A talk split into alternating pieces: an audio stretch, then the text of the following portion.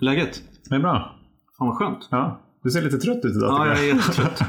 Ehm, jag är nog, det är nog mer att jag är, är ganska fortfarande omtumlad sen igår. Ja. Och vad ska vi liksom rama in? Det är måndag morgon. Ja, det Vad, vad, vad hände på söndag kväll? ja, igår eh, söndag så hade vi, eh, vi är i Göteborg. Ja. Ja, och vi hade föreläsning som eh, eh, arrangerades av eh, bland annat vår gäst som vi ska presentera senare. Som också är lyssnare till Alltidspodden. Och det var helt fantastiskt att få, få träffa, prata med en massa människor som, som både lyssnar på podden och som inte lyssnar på podden och, och snacka om eh, det vi kan, det vill säga alkoholism. Så att, eh, Det kan vi i alla fall. Ja, det kan vi fan. Så att jag, jag tror att jag är nog, jag är nog ganska omtumlad och lite sliten efter det. Ja. Det var intensivt men jätte, jättekul. Hur mår du? Ja, men jag känner mig, eh, känner mig väldigt energifylld efter den eh, dagen igår. Jag, hade ju inga svårigheter att somna. Kan man säga. Och har också sett fram emot det här samtalet. Vi, vi, vi sitter på en piercingstudio i Göteborg som heter Tribe. Det trodde man ju aldrig att man skulle spela in en podd om alkoholism i en piercingstudio i Göteborg. faktiskt. Nej, faktiskt inte. Det är de här, eh, ja. Men den här sjukdomen tar oss till de mest eh, underliga ställen. Ja, det, det Både i det aktiva men även nu när vi är tillfrisknande. Ja, kanske ännu mer nu faktiskt. Ja. Jag vet inte om det handlar om att vara närvarande för allt det här liksom konstiga som händer. Mm. Kanske. Och vara öppen för att tillåta det att hända. Eh, Jag tyckte också det var fantastiskt att komma till, komma till Göteborg igår och få träffa dels, eh, dels vår gäst här idag, Elisabeth och Alexandra som har hjälpt till, och, som har hjälpt till att eh, arrangera föreläsningen. Och så träffa alla de som var där, som var modiga nog att komma och lyssna på Mm. oss två galna alkisar som, som pratar om alkoholism och tillfrisknande på en söndagkväll. Mm. Jättehärligt. Men nu är jag, alltså jag är ju väldigt nyfiken på vem vi har som gäst här idag. Vi har pratat lite grann, men du får gärna berätta vem du är. Mm. Jag heter Elisabeth. Jag är 31 år gammal, bor i Göteborg och jag eh, jobbar som sjuksköterska Mm. på Stadsmissionen Mm. med alkohol och drogavgiftning. Mm. Och du hittade, hur hittade du oss? Det var så att eh, jag ville mm, förstå mina patienter bättre Mm. och ehm, ja, men hur en alkoholist tänker. Så jag gick in och sökte på poddar Mm. om missbruk och beroende och så dök ni upp. Så tänkte jag, Alkispodden, det låter ju kul. Det lyssnar vi på. och som jag sa igår så mm, började jag lyssna och så blev jag frälst. Kan man säga. Jag tänker på, vi pratade ju lite grann om det igår. Ehm, Du kan väl berätta lite grann om eh, alltså, vad är det som händer där du jobbar på avgiftning och eh, intag och sådana saker med, med de som, som kommer dit. Vad, vad gör du på dagarna? Eh, jag jobbar ju natt då, men när jag är där på dagarna. Okej, på, så på dagarna sov. Ja, precis. Vad gör du på nätterna? Ja, Då jobbar jag. Ja. Ehm, nej men ehm, våra patienter kommer ju antingen från psykiatriakuten eller Mm. via vår öppenvård. Eller så kommer de via Nordhemskliniken som ligger på Fjärde Långgatan i Göteborg. Och ehm, vi har drop-in på vardagar och då får man träffa en sjuksköterska som ja, pratar med patienten, tar blodtryck och puls och bedömer hur abstinent patienten är. Mm. Och efter det så får patienten träffa en läkare och blir inlagd antingen hos oss Mm. på Stadsmissionen eller på Nordhemskliniken. Och Det här är patienter som eh, har sökt hjälp frivilligt. Ja, precis. Vad, vad, vad kan ha hänt innan? Är det liksom att man har, in- inte får liksom nämna några namn, men hur, hur kan, kan det se ut? Eh, Vad, vad, vad, är, det- vad är det för skick? Liksom en, en, När de kommer Ja, till oss, patienterna, så är de ju oftast i väldigt dåligt skick. De är väldigt abstinenta, de skakar, de är svettiga. Liksom. Oftast så är det att de kommer och söker efter ett eskalerat drickande. Mm. ah, okej. Att man kanske har varit igång i tre veckor och druckit mer och mer. Och så känner man att men, jag kan inte bryta själv. Nej, just det. Okej. Och sen så kommer det också nyktra alkoholister som kanske har haft återfall. Och det har Mm. eskalerat. Och de känner att nej men jag, jag fixar inte detta, jag måste ha hjälp. Det är Så ganska det- otäckt att hamna i den här abstinensen. Just Det det, så det kan vara liksom någonting som är på ett pågående drickande som man vill få stopp på. Mm, Och så kan det också vara att man har slutat men att man har abstinens. precis. Ja. det här är ju av ren nyfikenhet. eh, Som hur, hur mycket människor är det ungefär som snurrar igenom den här hos er? Jag skulle säga i snitt att vi får två patienter om dagen. För alkoholavgiftning så är man ju inlagd i mellan fem och tio dagar ungefär. Ja. Och ibland så ringer de ju då från Nordhem eller från psykiatrin och frågar har ni platser? Nej, det kanske vi inte har, men patienten kan komma imorgon för det är två som ska gå. Eller liksom. Mm. Ja, okej. Det låter ju som ett tufft jobb. Mm, det är det. Hur länge har du gjort det här? I två år. Och jag frågade, ju, jag frågade ju lite grann igår, hur kom det sig att du hamnade där? Det var så att eh, när jag läste till sjuksköterska så hade jag min psykiatripraktik på Stadsmissionen. Mm. Och jag kände att det här är ju jättekul. Eller får man säga så? Att det, det är kul. Men Ja. det känns väldigt meningsfullt och det känns som Mm. att man gör ett viktigt arbete. Och hjälper dem som kanske ingen annan vill hjälpa. Eller vad man säger. Vi tar emot allt från hemlösa personer till vem som helst. Några direktörer som har druckit för mycket vin i x antal år och så har det eskalerat. Eller? Ja, det får man säga. Mm. Även direktörer kan drabbas av denna sjukdom. ja, jag är ju direktör, till exempel. Men du är fan direktör. Ja, Är du? ja visst. Jaha. Ja. Herr direktör Runen. Ja, precis. Jag tyckte att vi, vi har varit lite så här slarviga med titlar här i, i inledningen av avsnittet. Ja, Men eh, precis. från och med nu vill jag att ni kallar mig för direktören. Mm. Direktör Johan. Det här kommer du ju få höra. Ja. Det här kommer bita dig. Ja, men jag, tänk, jag tänker på, innan vi går in eh, mer på vad som händer med de här människorna, så tänkte jag fråga, vad har du själv för relation till alkohol? Ja, jag har eh, levt med en alkoholist som medberoende Mm. i två år. Mm. Och jag har även haft vänner som har haft föräldrar som har druckit för mycket. Mm. Och även eh, nära vänner som Ja. har trillat dit. Ja. I din relation med en, en alkoholist, eh, hur upplevde du det som, som medberoende? Jag var väldigt frustrerad. Mm. Men någonstans så trodde jag att jag kunde hjälpa honom. Mm. Och att han kanske skulle ändra sig Mm. om jag bara gjorde det eller det eller... Mm. Ja. Men det funkade ju inte. Vad kunde det vara till exempel? Nej men till exempel att alla hans pengar gick till alkohol. Ja, just. Och sen efter två veckor efter lön så fanns det inga pengar kvar. Och då fick jag gå in och köpa Mm. mat och fixa allting. Om det var så att hunden skulle till veterinären, då hade ju inte han några sparpengar direkt lägga in, utan då fick jag steppa upp. Hur, eh, nu- ni är inte i relationen nu? Nej, Nej.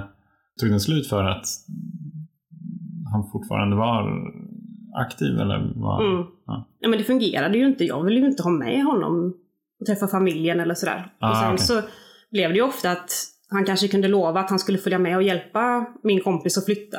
Och så var han ute och ramlade in klockan fem på morgonen Mm. och vaknade inte sen. Eh, och valde att ja, stanna ute istället för att tänka kanske att "Nej, men jag ska nog gå hem för att jag ska hjälpa någon Mm. imorgon. Alkoholister har en tendens att eh, inte riktigt prioritera just sådana åtaganden. Nej. Varken när man är full eller nykter. Alltså jag, jag kan ju verkligen känna igen mig i det där. Jag, det, det, det gick liksom till den nivå att jag inte lovade någonting på Mm. helgen. Mm. Eh, för att jag visste att jag inte kunde lita på mig själv. Mm. Alltså jag vet att jag kommer att gå ut fredag och jag vet att jag kommer att gå ut lördag. Så att lova att göra någonting innan klockan sex på kvällen, Mm. det är helt meningslöst. Mm. Då kommer jag bara måla mig själv in i ett hörn. Och det kanske känns som en, eh, som en bra idé just här och nu. Eller för att liksom lätta mitt dåliga samvete kanske. Mm. Men, men efter ett tag så insåg jag att nej, men det ska jag bara sluta göra. Så att det, det intressanta så här i liksom ett retrospektiv är ju, ja okej, så att min action blev att inte lova. Mm. Snarare än att kolla på va- varför kan jag Mm. inte lova någon, någonting innan klockan sex på, på en lördag eller söndag. Mm. Det är, är inte det vi ska kolla på? Nej. Nej. Utan det jobbiga var att jag hade lovat och sen inte kunde hålla. Så då slutade jag bara lova. Mm. Jag tror att droppen kom när vi skulle hem till min bror. Som Mm. han inte hade träffat. Ja. Och han visste att ja, men, det här var viktigt för mig. Mm. Och så blev det ändå så att han ramlade in klockan fyra på morgonen och inte kunde följa med. Och jag började hitta på ursäkter. Mm. Nej, men han var lite sjuk eller Ja, ja. Nej, men han blev magsjuk eller. Och sen också hände det också att han kunde vakna mitt i natten och bara kräkas rakt ut när han hade varit ute. Och det var ju jag som fick städa upp det. Så det var inte så himla roligt. Nej. Sen när man insåg att det inte skulle bli en förändring så... Nej, det funkade ju inte. Och han blev arg på mig också. Och jag på Mm. honom. Så att det... Ja. Eh, och själv då? Mm. Dricker du mycket? Jag dricker nästan aldrig. Jag dricker kanske en gång i halvåret. Ja. Eller så. Och då måste jag alltid planera när jag ska dricka. För att jag blir sjuk dagen efter. Åtta gånger av tio. Ja. Så blir jag jätte, jättesjuk. Bara kräks hela dagen. Så Ja. det är liksom inte värt det. Så, Nej, Så kan man också tänka. Så, så kan man också tänka. Nej, precis. Det, det var ju någonting som, som kom upp i, eh, när vi hade den här föreläsningen igår. Att jag har ju aldrig blivit bakis. nej. Eh, och jag såg det som ett tecken på att jag inte hade några problem. Mm. Eh, utan det var, det var som en gudagåva. Alltså Mm. om jag har fått, tänk att jag har fått alla de här superkrafterna. Att kunna dricka så mycket jag vill utan att, eh, utan att bli bakis. Mm. Det betyder ju att jag har ett kall i livet Mm. egentligen. Att dricka så mycket som möjligt. Såg jag det förut. Nu inser jag att, att inte bli bakis, det är, ganska, det är lite av en varningssignal på att, på att liksom min kropp, jag reagerar annorlunda på alkohol än vad andra gör. Mm. Som min, eh, min fru till exempel, hon, nu är hon gravid så därför dricker hon inte. Men, men även innan så hon slutar ju dricka när hon tycker att det blir, att det blir obehagligt. Att hon Mm. förlorar kontroll till exempel. Och mår ju dåligt dagen efter. För att det är ju ett gift. Mm. Så att det, är en, det är en helt naturlig reaktion på det. Så att det är så här, att vara tacksam för det. Mm. Jag har också det här kontrollbehovet. Jag gillar inte att förlora kontroll. Så att jag dricker mig aldrig, eller väldigt sällan, riktigt berusad. Nej, Det, här, det är helt ofattbart. Och sen ska jag ju gärna ta hand om folk också. Mm. Det är väl Mm. sån man är när man jobbar inom vården. Men om jag ser att någon annan är för full, då Mm. slutar jag dricka. För då måste jag hjälpa den här personen hem. Om Mm. det är en vän till exempel. Ja, och jag menar, det är ju någonting fint också. Tack. Ja, Att hjälpa, att hjälpa sina vänner när de inte kan ta hand om sig själva såklart. Mm. Men du, jag tänker på det här med att hjälpa människor. Hur mycket hjälper den här alltså, avgiftningen, de här som kommer in? Alltså de blir ju avgiftade uppenbarligen. Mm. Men eh, har du någon känsla för liksom, hur går det för de här människorna sen? Ja, en del vet man ju inte hur det går för. Nej. En del återkommer efter återfall. En del eh, fortsätter i vår öppenvård. Ja, okej. Eller kommer och Mm. blåser. Och en del kingsar förbi och säger hej, här är jag och allting är okej. Jag hade vägarna förbi. Och det går ju faktiskt att ta sig ur det. Vissa lyckas ju. Mm. Och det är väldigt roligt. Har, du, har du någon, jag vet, du berättade att eh, både i samma hus och huset bredvid, eller i kyrkan bredvid, att det finns en del tolvstegsgemenskaper Mm.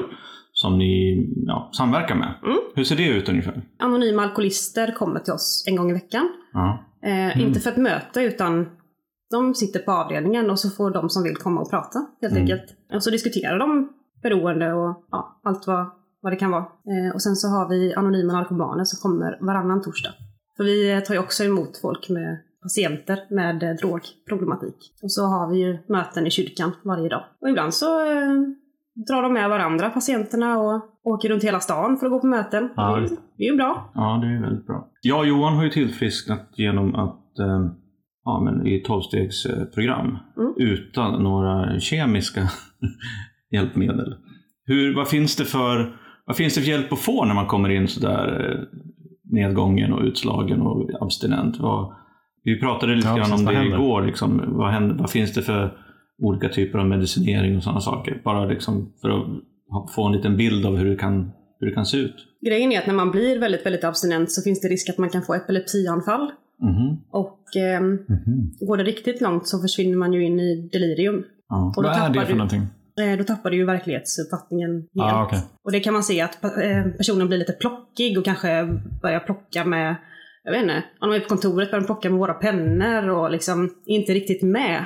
Ah, Ja. Det är som en psykos nästan. Så att det viktigaste när de kommer till oss det är att de får sova.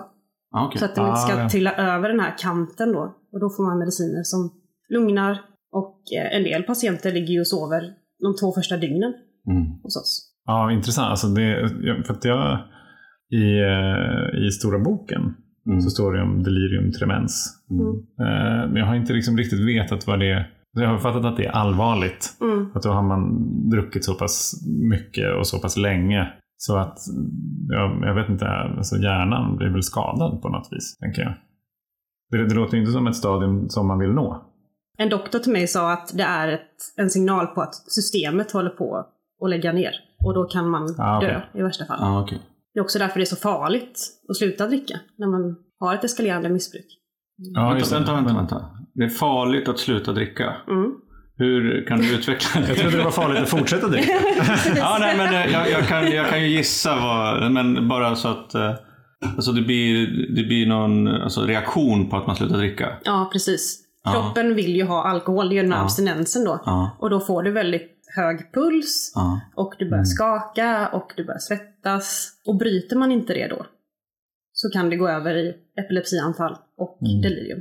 ja okej. Nu har vi inte så mycket delirium Nej. för vi har väldigt bra koll och bra medicinering och Ja. väldigt bra doktorer som har jobbat med det här länge. Ja. Så man kan ringa om det är någonting dygnet runt. Ja. Men, men jag, alltså jag tycker jag blir ju, som en självcentrerad alkis, så blir jag väldigt glad att jag inte själv har råkat ut för det här. Ja. Jag har hört eh, andra eh, ja, som har träffat på tolvstegsmöten som har pratat om, om sådana här episoder, men eh, aldrig riktigt tagit in liksom, hur illa det kan bli om, Nej. om man råkar ut för sådana här grejer. Mm. Jag har själv inte varit där. Och egentligen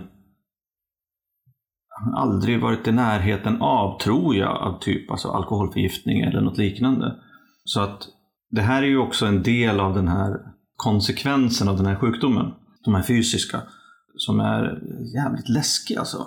Ehm, Men det, men det är också som du säger, jag tycker det är viktigt att, jag tycker det är viktigt att påtala att du pratade om liksom hemlösa och direktörer. Mm. Att just att hamna i, i, att dricka sig till, till det här skicket. Det är inte heller någonting, alltså det är ju ingenting som bara drabbar hemlösa. Nej, precis. Utan det kan, det kan ju drabba vem som helst som dricker för mycket helt Mm. enkelt. Och vem som helst kan ju dricka för mycket. Mm. Mm. Så att jag tycker också att det här är viktigt för oss att, att lyfta upp. Liksom att vi har vår historia och de som lyssnar på podden har ju hört hur, hur vi var och hur vi slutade. Och för, för både dig och mig Johan så handlar det ju mer om ja, men kanske känslomässiga konsekvenser. Mm. Ja, precis. Och, och kanske lite mentala, alltså med trötthet och besatthet, och, men också dåligt mående eh, som, som gjorde att vi slutade innan vi hann liksom dricka oss ner till det där. Mm. Så att jag tycker också att det är viktigt att förmedla att vår botten som vi hittade är inte alls, behöver inte alls vara samma botten för någon annan. Men eh, jag- tycker att det är, det är jävligt läskigt på ett sätt. Du ser så här, typ två patienter om dagen Mm. i snitt. Och ni är då, finns det fler avgiftningar här i Göteborg? Ja, Nordhemskliniken har ju då. Ja. Eh, och Östra sjukhuset. Så om man tänker så här liksom att, att ni tar in ja, men då 700 om året och så finns det fler här i Göteborg och så finns det liksom i princip varje kommun i hela landet. Kanske, vad vet jag. Men just att det, att det ändå är, om man bara tänka efter att det blir ganska stora volymer av människor som, som ändå behöver det här Mm. för att bryta liksom ett drickande. Och det, det, är också, jag tänker också, det är också en del av samtalet eller sjukdomen som, som, som jag tycker att vi, vi inte har, har liksom haft koll på. För Mm. att vi inte har råkat ut för det själva. Så därför är det jätte, jättebra tycker jag att få, få prata med dig om, om, de här, alltså, om det här. För att jag, jag tycker att det är jag tycker att det är viktigt också att visa att det här är en del av sjukdomen. Alltså ett intag, en avgiftning som inte heller behöver vara, eller som inte ska vara, alltså, skamfylld. För att rent fysiskt så, så behöver man den här hjälpen när man har druckit så mycket. Är den här alkoholen, det är, eh, det är drygt. Mm. Det är drygt. Vad heter det? Vad... Du började lyssna på Alkispodden Mm. och andra poddar så här, för att hämta in information om vad är egentligen och vad är det att vara alkoholist? Mm. Vad har du lärt dig? Jag har ju lärt mig det som, ni använder ju väldigt bra uttryck som det här med den mentala besattheten och skillnaden på att vara spritfri och tillfrisknande Mm. till exempel. Jag tycker att jag har lärt mig att förstå bättre vad som händer och hur en alkoholist tänker. Mm. För att jag vet ju inte själv. Nej. Och eh, när jag läste psykiatri så skrapar man ju bara på de vanligaste sjukdomarna. Man lärde sig inte så mycket om missbruk och beroende. Och, det får man ju läsa sig till, eller lära sig på jobbet. Ja, Mm. Men jag tänkte att nej men, jag vill veta mer. När det kommer en, en person till mig på natten och mår dåligt och vill prata, då vill jag ju kunna förstå bättre. Så att det inte blir att jag blir en auktoritär sjuksköterska som inte fattar någonting. Nej, precis. Som säger till patienten vad den ska göra. Känner du att det blir, eh, att det blir en annan dialog med patienterna? Ja, jag förstår bättre. Vad spännande. Mm. Det är jättekul. Mm. Alltså jag blir så nyfiken på vad, vad skulle man kunna göra i de existerande utbildningarna för att höja medvetenheten ytterligare. För så här, ja, man man skrapar lite på ytan. Mm. Vad skulle man kunna göra där då? Jag tycker att ni borde komma och föreläsa. Ska vi föreläsa? Ja. Nu har vi gjort det en gång. Nej men alltså det, det är ju mycket lättare att lära sig från någon som har gått igenom detta. Men det, är- ja, precis. Men det, är ju, det, ja, ja. det är ju också själva grunden till ja, men hur, en annan, hur en alkoholist kan hjälpa en annan alkoholist. Mm. Alltså genom att dela med sig av egna erfarenheter i princip. ja, precis. Och det är ju hela grunden till 12-stegsprogrammet. ju, De gemenskaperna. Vad heter det? Jag satt också och tänkte på, det, det kom upp under, under föreläsningen och så, vi har pratat lite om det efteråt också. Just den här bilden av vem som är en alkoholist. Mm. Jag tänkte på så här, att, det, att det inte bara en hemlös som är på en, på en parkbänk, utan det kan vara en direktör. Jag tror att, jag tror att den, den bilden av vad och vem en alkoholist är, det, är- det är någonting som vi vill ändra på i och med podden. Vem som helst kan vara en alkoholist. Mm. Det finns inget skamfyllt med att vara alkoholist. Det, eh, skammen tror jag och vi att det, det är den som egentligen dödar många. För att istället för att jag erkänner för mig själv att jag dricker på det här sättet och jag, jag flyr egentligen bort kanske från det som känns ohanterligt. Mm. Så, så väljer jag att fortsätta och ibland kanske dricka mig själv till döds. Mm. Så att istället för att, att vi har kvar den här bilden av att det är bara parkbänksalkisen som har det riktiga problemet och så länge jag inte är där, Mm. då har jag inga problem. Mm. Då är jag safe. Då skapar jag någonstans en, en, en falsk distans mellan Ja. mig och någon annan. Mm. Och så länge jag inte är där så är det okej. Precis. Men, men mitt mående inombords kan ju vara exakt samma. Mm. Det är bara att de externa förutsättningarna ser annorlunda ut. Mm. Men menar, det, och det, det är också därför det är viktigt att när vi pratar om sjukdomen så är det just så här, den fysiska allergin som är när vi börjar dricka så kan vi inte sluta. Den mentala besattheten som du nämnde. Men också den andliga bristen. Liksom just det här hålet inom oss som är ju det som vi försöker fylla. Mm. Med, i mitt fall, liksom alkohol men med jobb och bekräftelse på, på andra sätt. Det är, det är någonstans den som vi behöver jobba med för att bli lyckliga. Så, så, så jag, jag tror att, att ändra på den här bilden av vem som är en alkoholist, Mm. det, det skulle tjäna oss allihopa. Nej, men som du berättade igår Roger, att eh, så länge ingen kom på dig med ditt drickande så hade du inget problem. Mm. Och så flikade du in Johan att ah, så här tänker en alkoholist. För mig som inte är beroende av alkohol så Mm. blir det så här, men hur kan ni tänka Mm.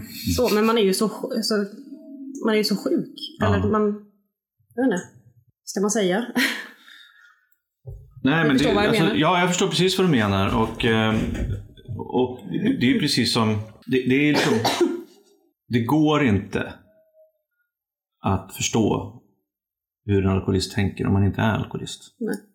Så att, att försöka åtminstone alltså berätta hur vi har tänkt, hur våra gäster tänkte. Eh, Vi kanske kan, inte kan förklara varför, eller, och det finns egentligen inga, det finns inga ursäkter ibland liksom, till Nej. vårt beteende.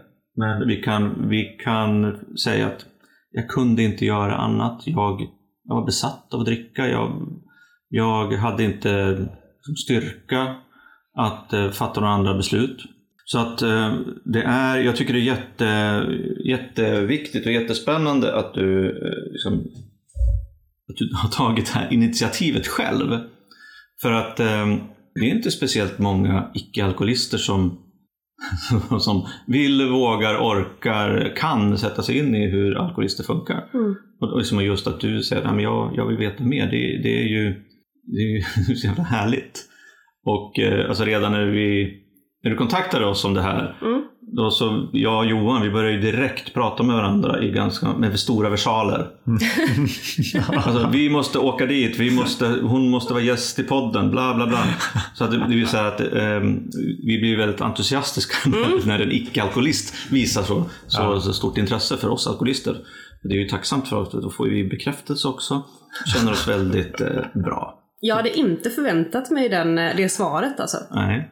När ni sa för 14 dagar sedan, ja men vi kommer den 5 maj. Va? Där sitter jag på natten med en kollega, men herregud, ska jag lösa detta? Ja. Um, sådana är vi. Vi, vi alkisar, vi, vi hugger på allt som rör sig, höll på att säga. Ja, fortfarande ganska begränsad impulskontroll. Precis. Ja men det är jätteroligt tycker jag. Men du, jag tänkte på, jag tänkte på en grej, eh, det här med, Johan pratade om skam. Mm. Hur är din upplevelse av, eller uppfattning av, både de som kommer som patienter till avgiftning och liksom allmänhetens syn på avgiftning? Är det business as usual eller, eller känns det som att, man jobb, att du jobbar liksom med, är det mycket skam och skuld runt, runt hela allting? Patienterna menar du? Eller? Ja, dels patienterna men också liksom om, om så här, om man pratar om, berätta var du jobbar någonstans. Mm. Jag jobbar i avgiftning. Så här, oj, oj, oj. Folk tänker, men gud vad, vad jobbigt det måste vara. Ja. Nej, det är det faktiskt inte. Vi har faktiskt väldigt trevligt Ja. på jobbet. Och det känns att man gör en skillnad. Och att man hjälper Mm. någon. Och ehm, varför jag var så glad att ni skulle komma hit, det var ju också för att det här är så tabubelagt. Mm. Och det är så himla vanligt. Vem som helst kan trilla dit. Mm. Jag vill slå hål på det lite. Ja. Man måste börja prata om det mer. Jag ska säga att för två år sedan, när jag började på Stadsmissionen, då hade jag ingen aning om vad en alkoholavgiftning var ens. Mm. Eller att det ens fanns. Hur var var för där? Hur, hur var det när det började? Alltså de här första, det första mötet. Mm. Vad, vad tänkte du då? Jag tänkte, var har jag hamnat någonstans? Eller liksom, vad, vad är detta? Va? Har Stadsmissionen ens ett hus där? Jag hade ju ingen... Jag har ändå bott i Göteborg hela mitt liv. Ja, här tar vi hand om alkoholister. Jaha, men hur funkar det? Och eh, är det, är det farligt? Eh, Ja. Förekommer det hot och våld? Eller? Mm. Gör du det? Eh, ja, men det är väldigt sällan hos oss. Ja. Vi har inte en låst avdelning utan man kommer till oss frivilligt. Mm. Ja, Dörren är det. öppen. Det är Mm. bara att gå. Om, Just det. Mm. Så man får ju be patienter att gå eh, om det skulle uppstå någonting. Och i värsta fall får man ringa polisen. Men det är väldigt, väldigt sällan som Mm. det händer faktiskt. Kostar det någonting? Eh, ja, det är vanlig sjukhustaxa. Ah. Och vad är det, 100 kronor per dygn eller? Intressant. Alltså det är verkligen... Eh, nästan så skulle jag göra ett studiebesök. Ja, men gör det. Ja. Jag tänker på det du pratar om just den stora boken, att, att eh, i, som det står där i boken Anonyma Alkoholister, i början när hela den här rörelsen grundades, då var, då var ju de, de få som var med, de var ju i princip ute och, och värvade folk på typ avgiftningar Ja, just det. och eh, sjukhus. Och släpade mer eller mindre med dem till, till möten. Eh, så, gör vi, så gör vi ju inte idag. Men eh, det är ju jättebra att ni har besök av flera tolvstegsgemenskaper som kommer dit. Liksom, Mm. att, sen måste ju de som är där göra, göra ett aktivt, aktivt val om det, om det är någonting de vill ha. Mm. Ett nyktert liv. Ja. Som vi, som vi har eh, pratat om tack vare tolvstegsgemenskap. Ja, jag tänker det, det är ju en... Här, utifrån att nå sin botten så är det ju en, en, en plats som ganska koncentrerat samlar personer som, som potentiellt når en botten. Mm. I alla fall. Alltså, En, en avgiftning är ju inget ställe som man så här, har, har satt på sin önskelista Nej. att, att hamna på. Lika lite som vi hade på våran så här, mina topp tre eh, jobb jag vill göra om jag inte får bli astronaut och ska bli alkoholist. Alltså, Mm. Det är inte så det funkar. Mm. Så att det är ju därav också att det är, eh, det jag vill komma till var att när, när man då når sin botten så det, det är på något vis där jag blir öppen för att ta in andra vägar, andra lösningar Mm. på det som jag på det som jag har försökt lösa med de här verktygen som jag har. Där alkohol då, eller, eller droger har varit de som har använts mest kanske. Vi eh, kanske ska återgå till skammen också, för det kommer vi ifrån lite. Ja, gärna. Får jag... Berätta. Ja. Nej men, ehm, jag kan ju säga att eh, en del patienter skäms ju jättemycket. Mm. Och det tar ju verkligen emot att söka hjälp. Mm. Men vi försöker ju väl, alltså, få patienterna att känna sig välkomna. Och det händer ju att vissa patienter håller sig på sina rum för att de skäms. De vill inte visa sig ute på avdelningen. Och tänk om man känner någon eller Mm. ja, som, som du pratade om igår Roger, att mm. du var livrädd att träffa någon som du kände på Mm. AA-mötena. Det är lite så också. Men då var det en kollega faktiskt som, som sa till en patient att du, alla sitter här och skäms. Ja. Det är helt okej. Mm. Alla har Ja. gjort dumma saker. Det är okej. Ja. Jag menar, hur man än vrider och vänder på det så oavsett vem, vem jag träffar inne på avgiftningen Mm. så är han eller hon också på avgiftningen. Precis. Ja, ja men, eller hur? Ja. Jag menar, du, du vände väl där, från början så var det skamfyllt och så här, Ja. du, du inte ville träffa någon. Ja, Men sen efter ett tag så var det tvärtom. Mm. ja då, då längtar jag efter att träffa någon som Ja. jag kände. Jag tycker det är skitkul alltså, Ja. att träffa någon som jag känner i, på tolvstegsmöte. Men, men jag, jag, Underbart. ja, jag tänker på det här lite grann. eh, Jag var ju på, på behandling då. Tolvstegsbehandling precis i början av min nykterhet och då var det ju besöksdag på söndagar. Mm. Lite samma känsla där liksom de som kom och besökte, besökte oss som var där på behandling. Just det där att, att eh, det var väl inte så kul att vara där kanske. Mina barn och mitt ex var ju där och min mamma var där. Alltså, inte världens roligaste plats att vara på. Men eh, samtidigt så var det så att alla, alla som var där var ju där av samma anledning. Mm. Att de hade någon som var inne på behandling. Så, att, så det, blir, det blir väldigt... Ja, dels blir det, det, är ju, det, är ju, det blir en konstig stämning samtidigt som det är väldigt demokratiskt och ändå liksom, ja, så här är det. Mm. Som att gilla läget. Bara tillägga en sak. Ja. Jag tänker också på mörkertalet som inte söker hjälp för att de Mm. skäms. Ja, precis. Det är något väldigt skamfyllt i att kanske gå till psykiatriakuten. Precis. Eller söka och sitta där och när man mår som allra sämst. Mm. Ja, det var ju som, eh, som vi var inne på det igår också, men men det, det, det är inte så att vi var, eller kanske är fortfarande, så väldigt förändringsbenägna. Nej. Att ta tag i våra problem direkt. Alltså för mig var det så här tio år Mm. av drickande innan jag kom ner till, liksom, till botten eh, och kunde se på det för vad det var. Ja, absolut. Det är, det är väldigt många som mår extremt dåligt och försöker lösa det själva. Mm. Att man tänker att ja, men det, här, det här ska jag faktiskt, det här måste jag fixa. Mm. Annars visar jag mig svag. Eh, jag kanske förlorar status eller min karriär. Eller, eh, jag är direktör. Hallå. Det här, det här får inte komma ut. Nej, så är det. Ja, men jag tänker med anledning eh, av det, så jag hade en fråga om, eh, alltså, känner du att du skulle kunna ge till de som lyssnar, både om man har problem eller kanske om man är anhörig, Mm. alltså, lite grann, eh, varför, varför borde man, varför borde man söka, söka hjälp och, och lite grann när, Ja, när borde man göra det? Utifrån din, dina erfarenheter. Innan det blir för sent. Nej, jag skojar. Ja, Men um, vilken svår fråga. Mm. Så vi jobbar här lite grann. Vi fick, vi, fick curveballs. vi fick ju så svåra frågor igår så jag tänkte jag skulle, inte av dig då, men på föreläsningen, så jag tänkte att vi skulle, skulle Grilla mig lite ja. idag om vi ska ge igen här. Ja. Många inser ju inte ens att de dricker för mycket. Nej, jag, jag, jag tänker på de som kommer tillbaka. Jaha, det var det. Nej, nej, nej men, det, är, Mm. men det, är liksom, det, är, det är ett annat perspektiv på det här. Liksom, någon som har varit där, kommer tillbaka kanske upprepade Mm. gånger. Märker du någon skillnad liksom, mellan gångerna? Eller vad? Ibland, ibland inte. Det händer ju att patienter kommer tillbaka och har haft återfall. Och ja, men nu inser jag, jag kan inte dricka. Jag klarar inte av det. Mm. Det är den här fysiska allergin. Jag fixar inte detta. Min kropp orkar inte. Nej, just det. Sen finns det ju de som klarar sig ändå och återkommer. Eller Mm. klarar sig ska jag inte säga, men Mm. jag hade ett återfall. Men de vill inte göra en förändring. Ja, det, det är ju det där alltså, som är, när, när blir mina konsekvenser så stora att jag är villig att göra en förändring? Mm. Och om det inte är första gången på avgiftningen så är det femte eller tionde. Mm. Och ibland kanske aldrig. Ska vi göra åt det här egentligen? Jag vet inte. Jag, jag funderar fortfarande på det här när, när, när, när, när man ska söka hjälp. Och du, jag funderar på, du pratar väldigt mycket om att Alltså vi pratar ju om avgiftning nu. Mm. Och Är det i princip alltid då liksom abstinensfall, eller på att säga? Ja, Ja. Så att det, kan, det kan väl då i så fall vara liksom en, en signal. ja. Ut, alltså, om du vaknar på morgonen och är skakig och måste dricka, då har du ju problem. ja, Och då är det också svårt att bryta själv. ja. Och då är man väldigt, Ja. väldigt, väldigt välkommen Ja, till er. absolut. Och då blir man väl omhändertagen. Mm-mm. Har du haft sådana gånger Roger? Att du har vaknat på morgonen och känner att du måste dricka?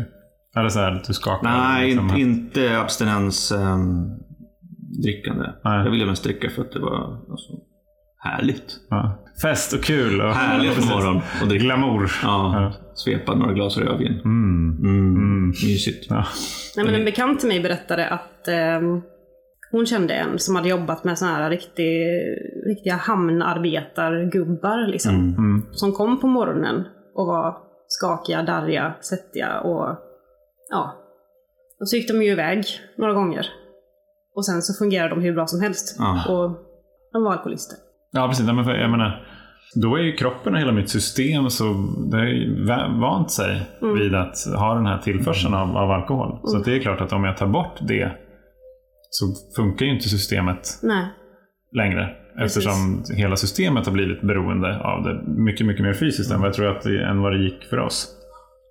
Jag, jag, jag minns en, eh, det här har jag faktiskt aldrig berättat om en gång. Vi var på Breaking news. Ja, det var, det var någon gång i tidiga, tidigare, tidig 20 års, det var runt 20 någon, någon gång. Och hade en, eh, vi hade en kompis som pluggade på folkhögskola, musik. Så vi var där och lirade en helg. Ja, okej. Ehm, och sov typ i köket på några köksbänkar.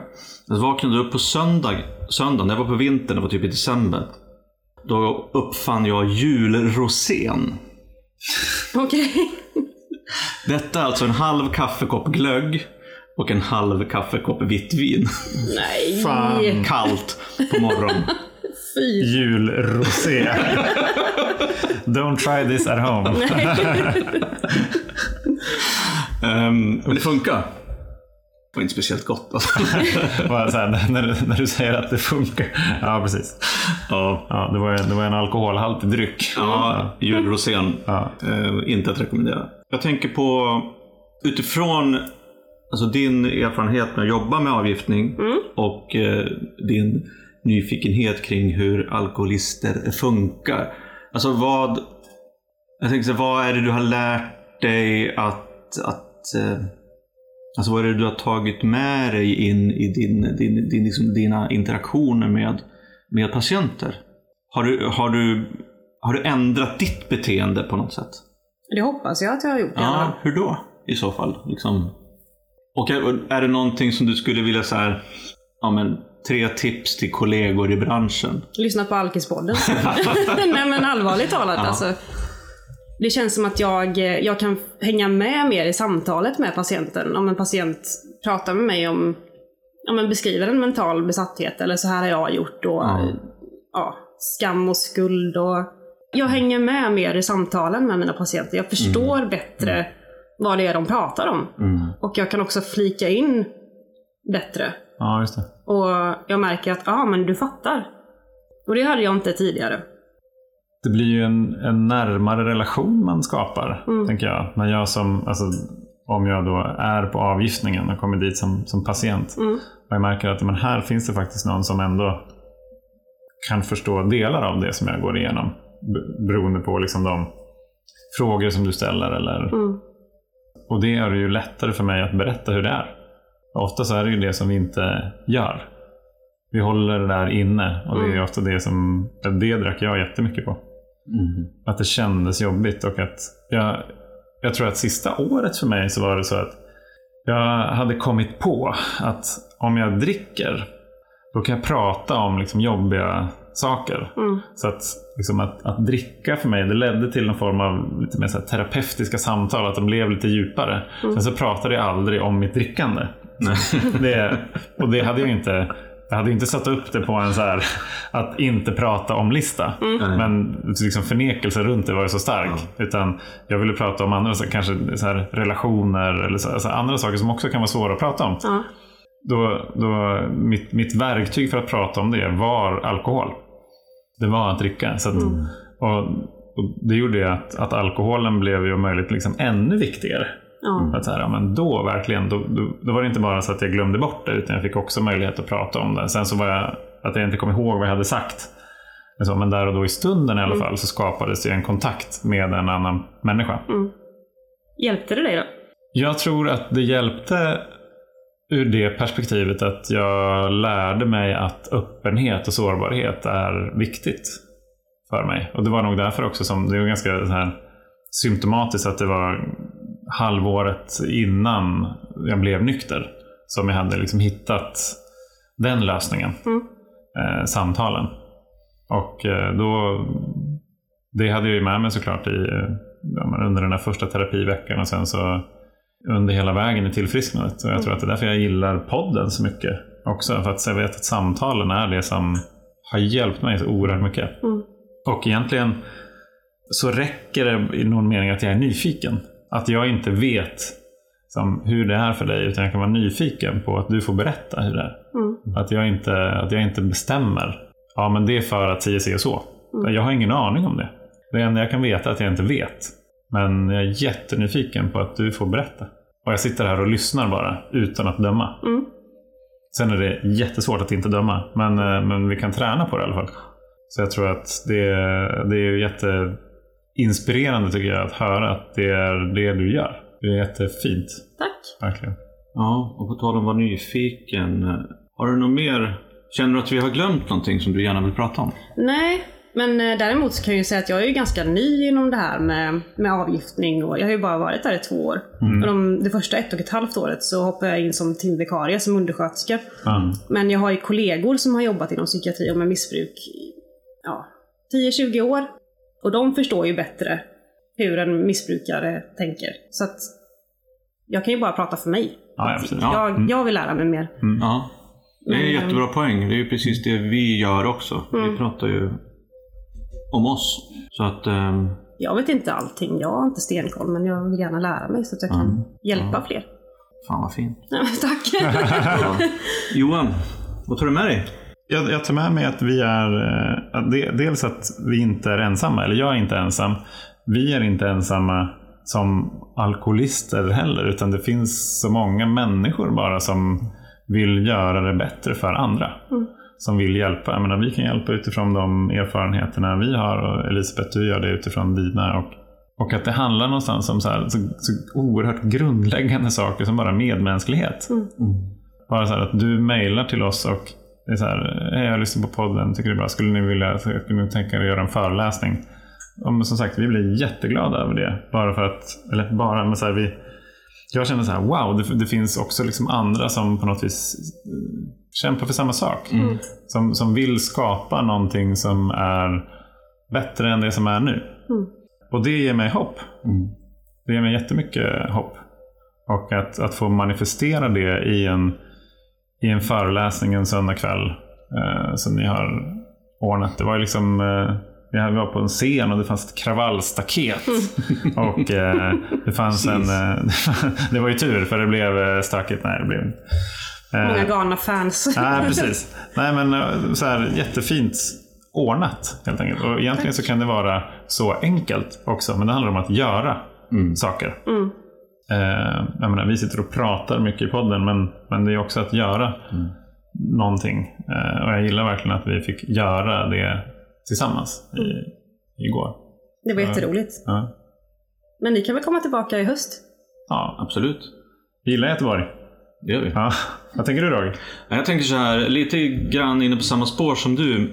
Att eh, hela, hela den här ja, men dialogen, alltså att vi började prata, att vi kommit ner hit och haft föreläsning för att du tog init- initiativet till det och hörde av dig till oss.